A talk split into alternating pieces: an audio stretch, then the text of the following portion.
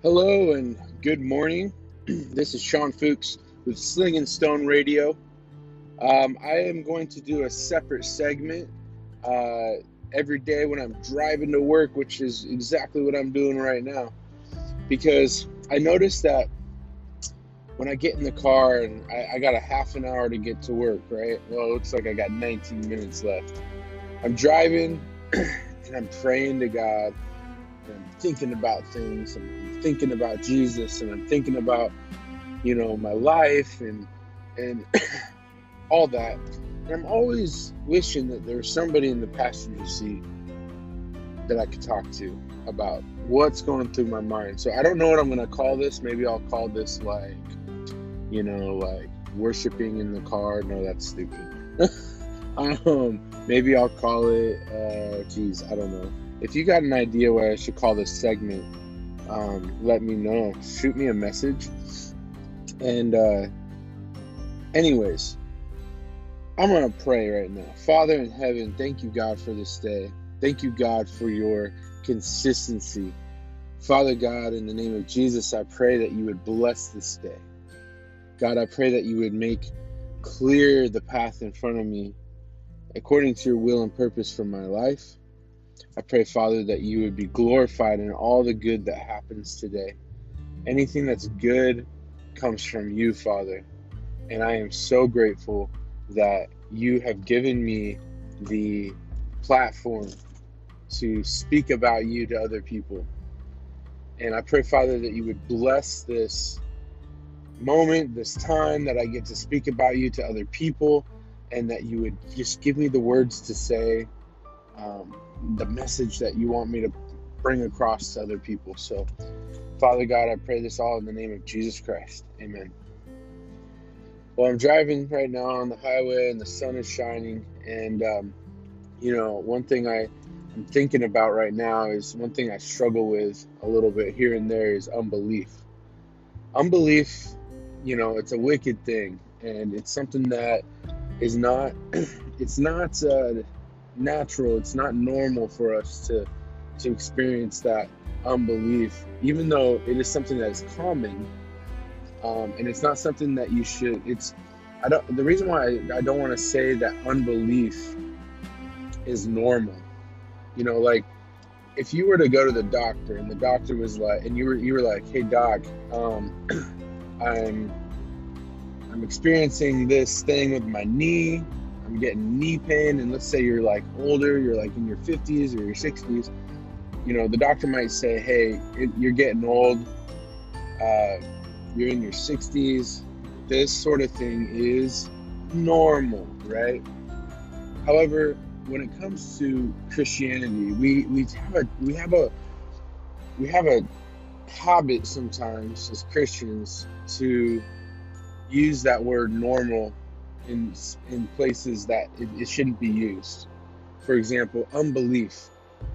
Unbelief, it, it's not normal. It's not like it's common, but it's not natural. It's not something that our spirit, you know, is, it's not natural for our spirit to experience unbelief. So that there's a huge conf- conflict between our flesh and our spirit right? So, you know, we might say something like, "Oh man, uh, oh, it's totally normal to experience doubt," right? Well, I'm gonna get that out of my mind right now because it isn't normal. Doubt is from the enemy. Now, in order to experience faith and have faith, doubt is definitely required. Just like to experience righteousness, there there has to be unrighteousness. That's that's the world we live in. That's the existence that we live in. I don't know what it's like in heaven. I don't know what it's like to be in front of God and, and to experience how there's just righteousness and no unrighteousness. But here on earth, to experience righteousness, to experience you know the the other side of sin there has to be sin there has to be um, doubt, there has to be unbelief, right? So we know that unbelief is there, but we, we but we also know that there is such a thing as there being no unbelief and to be fully like committed to Jesus Christ in faith through the Holy Spirit. It exists. Okay? So the whole idea is that that that is going through my mind is, you know, when unbelief creeps into my mind, I don't I, I want to stop treating it like it's oh, it's okay, it's normal, it's gonna happen. I'm gonna start treating it like it's sinful, it's wicked. It is not from God. God is not the author of confusion. So we know this to be true. So my goal when it comes to unbelief, when it pops into my head to to pray to God immediately, Father God, take this unbelief away from me.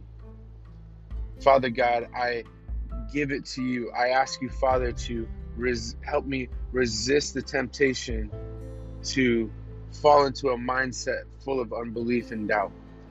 Because it's so easy in this world. It's so easy when you're not at church, when you're not praying, when you're when things are when things aren't going great. You know, people might you you might be going through something really diff- difficult.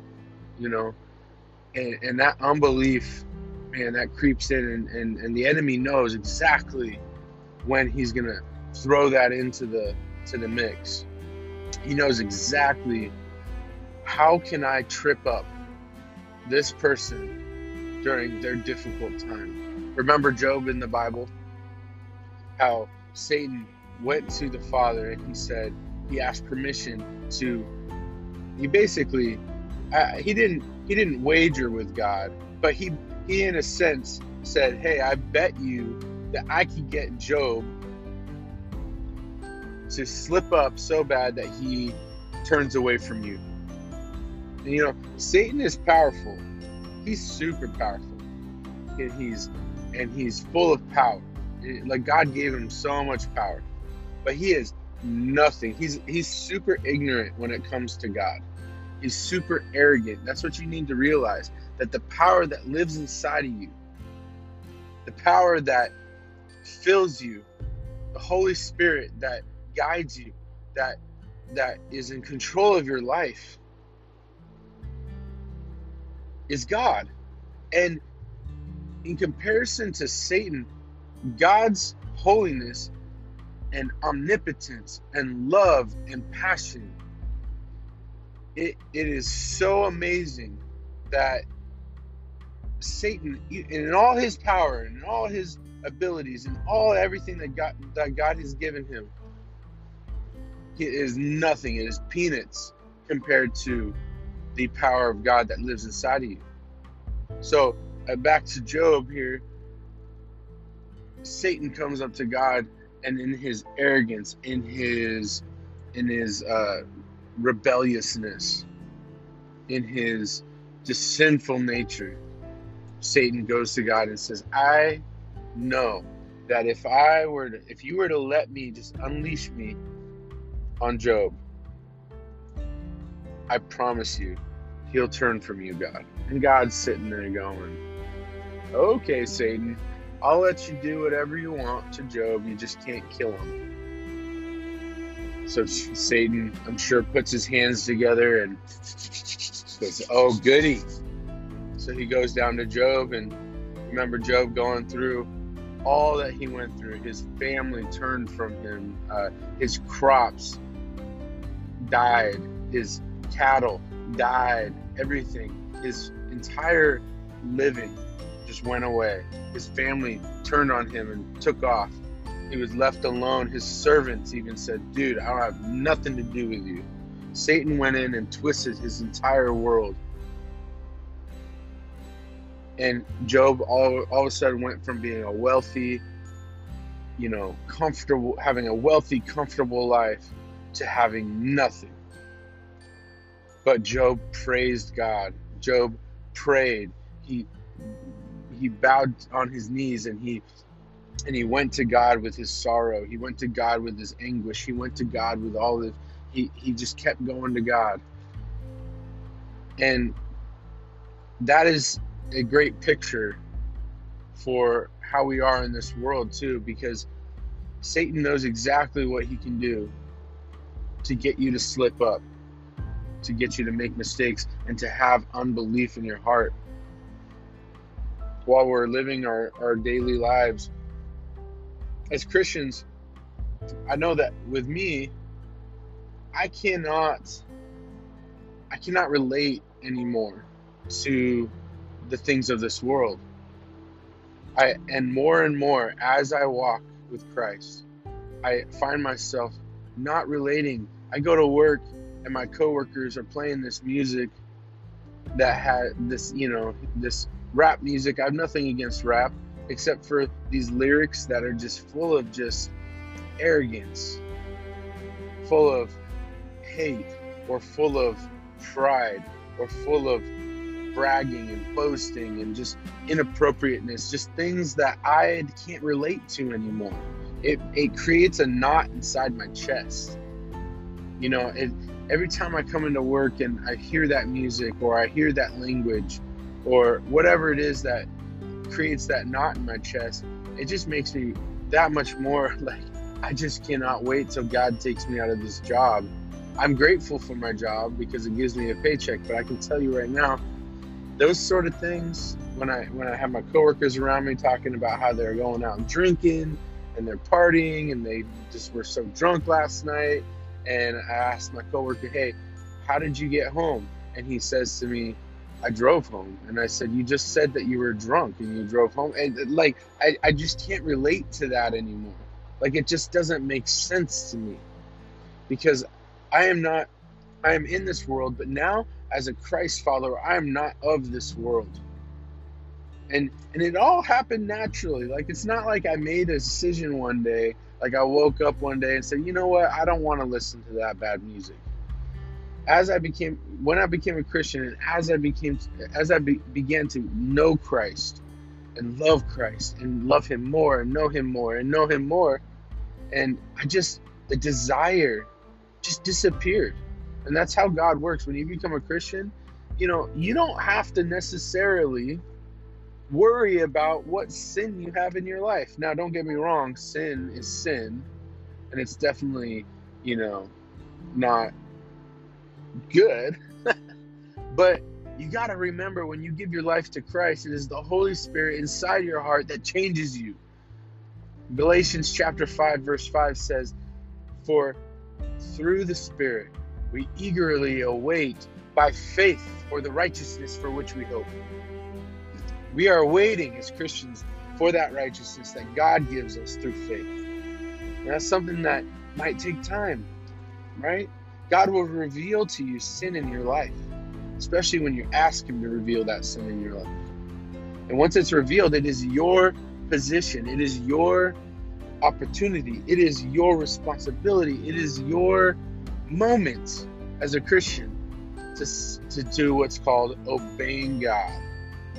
That's what you. That's when whenever you hear a, uh, a pastor or a preacher or a Christian say, "Man, I need to start obeying God more. That's what I'm that's what they're talking about. They're talking about when God reveals something in your life that needs to change or God wants to mold your heart. You know, God's not going to force it. He's not going to force your heart to change. So you have to obey God in that moment. It is your opportunity to say, you know what, God, I hear you and I'm going to I am going to do my absolute best and I need your help, Father, to guide me through this change because it might be a really hard sin. It might be a huge habit in your life, and you might have to. You might have to. I mean, a lot of the stuff like the music, um, the cussing, the uh, you know bad movies, the you know so on and so forth. That also that was kind of like it just came naturally, right? It, like through my relationship with Christ. But there's stuff like patience. Man, I struggle with that like none other. patience is one of those things where it's like, and I'm talking Christ's patience. I'm talking when you're on the road and somebody just cuts you off and almost drive, drives you into the to the side of the road that you in your heart still love them like Christ. Like Christ loves the church you know? Or when your child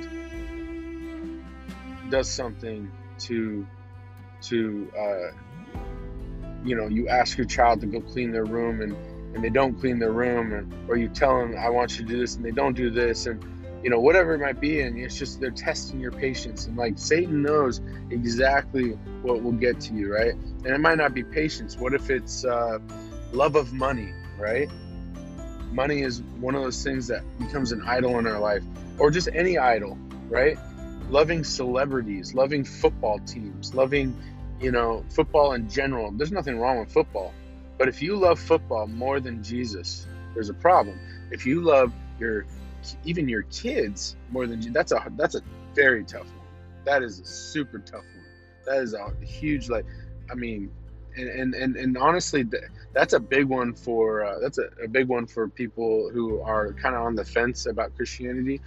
You know, you definitely don't want to talk about that too much with people who are on the fence because they're gonna be like, "What? You expect me to not love my kids as much as you know? You want me to love God more than my kids? Man, I love my kids. My kids are my life. I I I, heard, I saw something uh, online that talked about Kobe Bryant and when he died in the helicopter, and and uh, it said it, it, it, was very sweet. It was very touching, and, and that whole situation was super sad. But in, in that, it was like a it was just like a letter about how Kobe Bryant felt probably felt in that moment knowing that his child was going to die and i can't even begin to imagine the feeling and but in the in the letter it said um, you know our kids are are are everything as parents and it said we live and we die and we and we breathe for our children and as i was reading that i just got that knot in my chest you know because are we really supposed to live and die and breathe and do everything for our kids? Think about it for a sec. Did you really need your mom to live and die and breathe and do absolutely everything for you as you grew up? Did you really do you really need them to not have a life with Jesus? You, like I would rather my parents disown me and go to Christ and love Christ with all their heart and pursue Christ, I would know in my heart. Now that would never happen. My parents, if you if you know Christ and you love Christ and you're pursuing Christ, you would never disown your children. That, would never happen. But my, my point is is as a parent, we we sometimes idolize our children. We sometimes idolize things that aren't aren't bad things like food or or money and you know or just you know whatever it is but we have to ask ourselves where is jesus on our on, on our priority list? Where is god on our priority list? You know and of course you gotta you gotta ask you gotta ask god to guide you in that. You know father reveal to me the sin in my life. Reveal to me the idols in my life. Father, reveal. And I promise you, if you ask in the name of Jesus, it will be given to you. According to God's will and purpose for your life, God will deliver you through the struggles, through the questions, through the through the confusion of life. But he's not going to force it down your throat. He's not going to make it happen for you without your willingness to do so. So Anyways, I'm about to get to work now. So this is my first car ride episode. Ah, no, that's not a good name. Uh, car, car worship. No, uh, car, car discipleship. No, the drive to work, drive work, drive to, or no, drive worship, worshiping, driving. No, I don't know what to call this. If you got an idea about what to call these segments when I drive into work, let me know. I'm gonna make like a series on it, and uh, I gotta come up with a good name. So let me know if you got a good name for these. Th- like this is totally like just me talking about Jesus. I, I don't have like Bible. Obviously, I'm not like reading my Bible while I'm driving, but um, but yeah. So I'm gonna pray again, Father in heaven, God, pray that you would just take the unbelief out of my heart, Father God. Today, in the name of Jesus, fill my heart through the whole with the Holy Spirit. I pray, Father, that you would just fill my heart with belief, belief, belief. That you would take the unbelief, that you would protect me from the enemy who wants to kill, destroy, and devour me. He wants to um, absolutely take me off track of where, where you want me. And uh, Father God, I have no desire in, in, in participating in that. So I pray, God, that you would just take that temptation away, Father. And I pray whoever listens to this, God, that you would bless them. God, that if they have questions, that they get answered. God, I pray that you would uh, guide them, that you would plant seeds in them, that you would use them to change the world according to your will and purpose. Father God, Father God, I thank you for this day, and uh, I pray God that you would um, just be glorified in all that we do that is good. In Jesus' name, I pray. Amen. All right, guys, that was my first in-car worship episode, whatever I'm going to end up calling it. Uh, and I hope you enjoy it. I love you guys, and uh, God bless.